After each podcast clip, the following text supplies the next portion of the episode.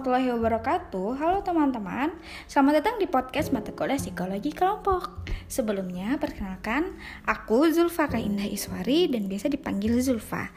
Nah, untuk kali ini aku nggak sendirian di podcast ini. Aku ditemenin sama salah satu partner kelompokku, yaitu Salsa. Halo Salsa. Hai guys. Oke, perkenalin diri dulu dong, nama kamu siapa? Oke, perkenalkan, nama aku Salsabila Putri Pratika, biasa dipanggil Salsa. Nah, Salsa ini akan jadi narasumber di podcast kali ini. Oke, sebelum kita masuk ke top pembahasannya, sebenarnya aku sama Salsa adalah perwakilan dari kelompok 7 yang beranggotakan Rahayu Wenesti, Muhammad Saman Abidin, Aku sendiri Zulfaka Indaiswari dan ada Haikal Faris Nada, Farmageri Alfikri, Anarja Arus Bakti dan Salsabila Putri Pratika. Nah, dalam podcast kali ini kita akan membahas topik tentang fasilitas sosial di mata kuliah psikologi kelompok. Oke, langsung aja kali ya. Salsa, definisi dari fasilitas sosial itu apa sih? Sebelum kita masuk ke definisi fasilitas sosial, aku mau kasih contoh kasusnya dulu nih guys.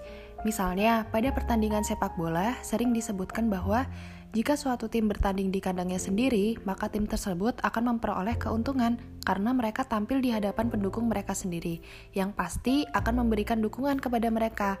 Nah, dalam kasus ini dapat dikatakan bahwa fasilitas sosial merupakan meningkatnya reaksi seseorang karena adanya kehadiran orang lain. Nah, kalau fasilitas sosial menurut Hanurawan, yaitu fenomena yang menunjukkan adanya pengaruh kehadiran orang lain terhadap performasi individu atau kelompok. Oke, itu tadi definisinya ya Sal ya. Kalau untuk pendekatan teori tentang fasilitas sosial tuh apa tuh?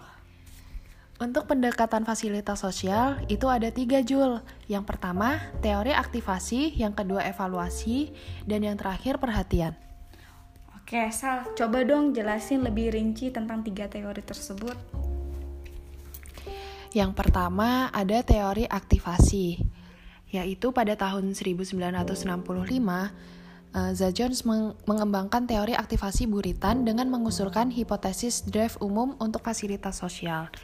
Nah, hipotesis drive umum ini adalah teori pertama yang membahas mengapa kehadiran orang lain meningkatkan kinerja kadang-kadang menurun di waktu lain. Dia berpendapat bahwa kehadiran orang lain berfungsi sebagai sumber rangsangan, dan rangsangan tinggi meningkatkan kemungkinan organisme untuk melakukan yang lebih baik pada respon yang dipelajari dengan baik atau kebiasaan. Oke, tadi kan yang aktivasi nih. Terus itu sekarang yang selanjutnya, Sal. Nah, teori yang kedua ada teori evaluasi. Teori evaluasi ini dibagi tiga, ada pendekatan evaluasi, teori penilaian pemahaman, dan yang terakhir teori presentasi dasar. Oke, untuk pendekatan evaluasi itu rincinya gimana, Sal? Untuk pendekatan evaluasi, uh, itu hipotesis evaluasi penilaian dari Henki, Henki dan Glass itu menyatakan bahwa uh, penilaian mereka itu uh, bukan hanya kehadiran orang lain yang meningkatkan aktivasi atau rangsangan individu, tapi lebih pada ketakutan dievaluasi oleh audiens. Oke, tadi kan pendekatan evaluasi. Kalau penilaian pemahaman tuh gimana tuh teorinya, Sal? Oke, dalam teori penilaian pemahaman itu dijelaskan bahwa tekanan evaluatif sebagai sumber peningkatan produktivitas di hadapan orang lain daripada respon gairah yang diidentifikasi oleh Z. Jones. Teori ini mengasumsikan bahwa orang tuh belajar dari pengalaman bahwa sumber sebagian besar hadiah dan hukuman adalah orang lain yang berinteraksi dengan mereka. Oleh karena itu, orang mengasosiasikan situasi sosial dengan evaluasi dan karenanya mereka mereka khawatir di hadapan orang lain. Oke, kalau teori prestasi dasar gimana Sal? Uh, untuk prestasi dasar sendiri itu dia menjelaskan bahwa fasilitasi sosial adalah produk dari motivasi orang untuk mempertahankan citra diri yang positif atau menghadapi orang lain. Motivasi ini mengarahkan orang untuk berperilaku dengan cara membentuk kesan yang baik dan karena itu menghasilkan fasilitas sosial dalam situasi yang evaluatif. Oke. Yang ketiga nih Sal, kan ada teori perhatian tuh. Kalau teori perhatian tuh, tuh gimana Sal? Oke, jadi uh, teori perhatian itu guys uh, adalah menjelaskan uh, kalau fasilitasi sosial itu termasuk hipotesis gangguan konflik, hipotesis overload, model umpan balik loop, dan model kapasitas. Untuk teori gangguan konfliknya, dalam teori gangguan konflik, Robert Baron itu mengusulkan bahwa tingkat kinerja pada suatu tugas diprediksi oleh jumlah gangguan di lingkungan sekitar tugas tersebut. Teori tersebut menyatakan bahwa gangguan dapat menjadi sumber fasilitasi fasilitas sosial pada tugas-tugas sederhana karena dapat menyebabkan konflik atensi yang dapat meningkatkan motivasi yang meningkatkan dorongan yang diusulkan oleh Za Jones. Namun, pada tugas yang lebih kompleks dan sulit, peningkatan drive tidak cukup untuk mengatasi efek gangguan yang mengganggu dan karena itu mengakibatkan gangguan kinerja.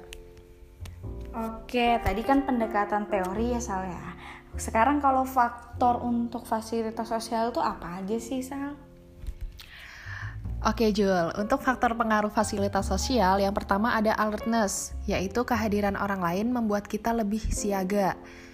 Yang kedua ada evaluation apprehension, di mana kehadiran orang lain membuat kita lebih peduli akan penilaian orang lain terhadap diri kita.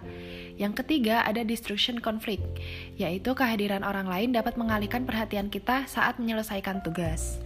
Oke, tadi kan ada tiga faktor yang mempengaruhi fasilitas sosial kan, Sal. Bisa nggak kamu contohin satu-satu faktor dari tiga faktor tersebut? Uh, untuk faktor yang pertama tadi kan alertness, di mana kehadiran orang lain itu membuat kita lebih siaga. Contohnya itu ketika kita sedang mengerjakan tugas yang kita kerjakan menjadi lebih siaga, kita menjadi lebih siaga terhadap kehadiran orang lain. Yang kedua, evaluation apprehension, di mana kehadiran orang lain membuat kita lebih peduli akan penilaian orang lain terhadap kita. Contohnya nih, penilaian orang lain terhadap diri kita, baik itu reward maupun punishment, akan membuat kita belajar untuk mengevaluasi diri, apa aja yang kurang dan apa aja yang udah kita capai. Dan yang terakhir ada destruction conflict, di mana kehadiran orang lain dapat mengalihkan perhatian kita saat menyelesaikan tugas. Contohnya, ketika sedang mengerjakan tugas dengan teman-teman, uh, kadang kita nggak fokus dalam mengerjakan tugas karena kita justru sibuk ngobrol atau uh, bercanda sama teman. Sehingga tugas yang dikerjakan tuh nggak selesai. Gitu guys. Oke, makasih ya Sal sudah menjelaskan ke kita. Dan semoga teman-teman yang mendengarkan podcast kita kali ini bisa memahami dan mengetahui apa itu fasilitas sosial. Oke, sekian dari kami. Wassalamualaikum warahmatullahi wabarakatuh.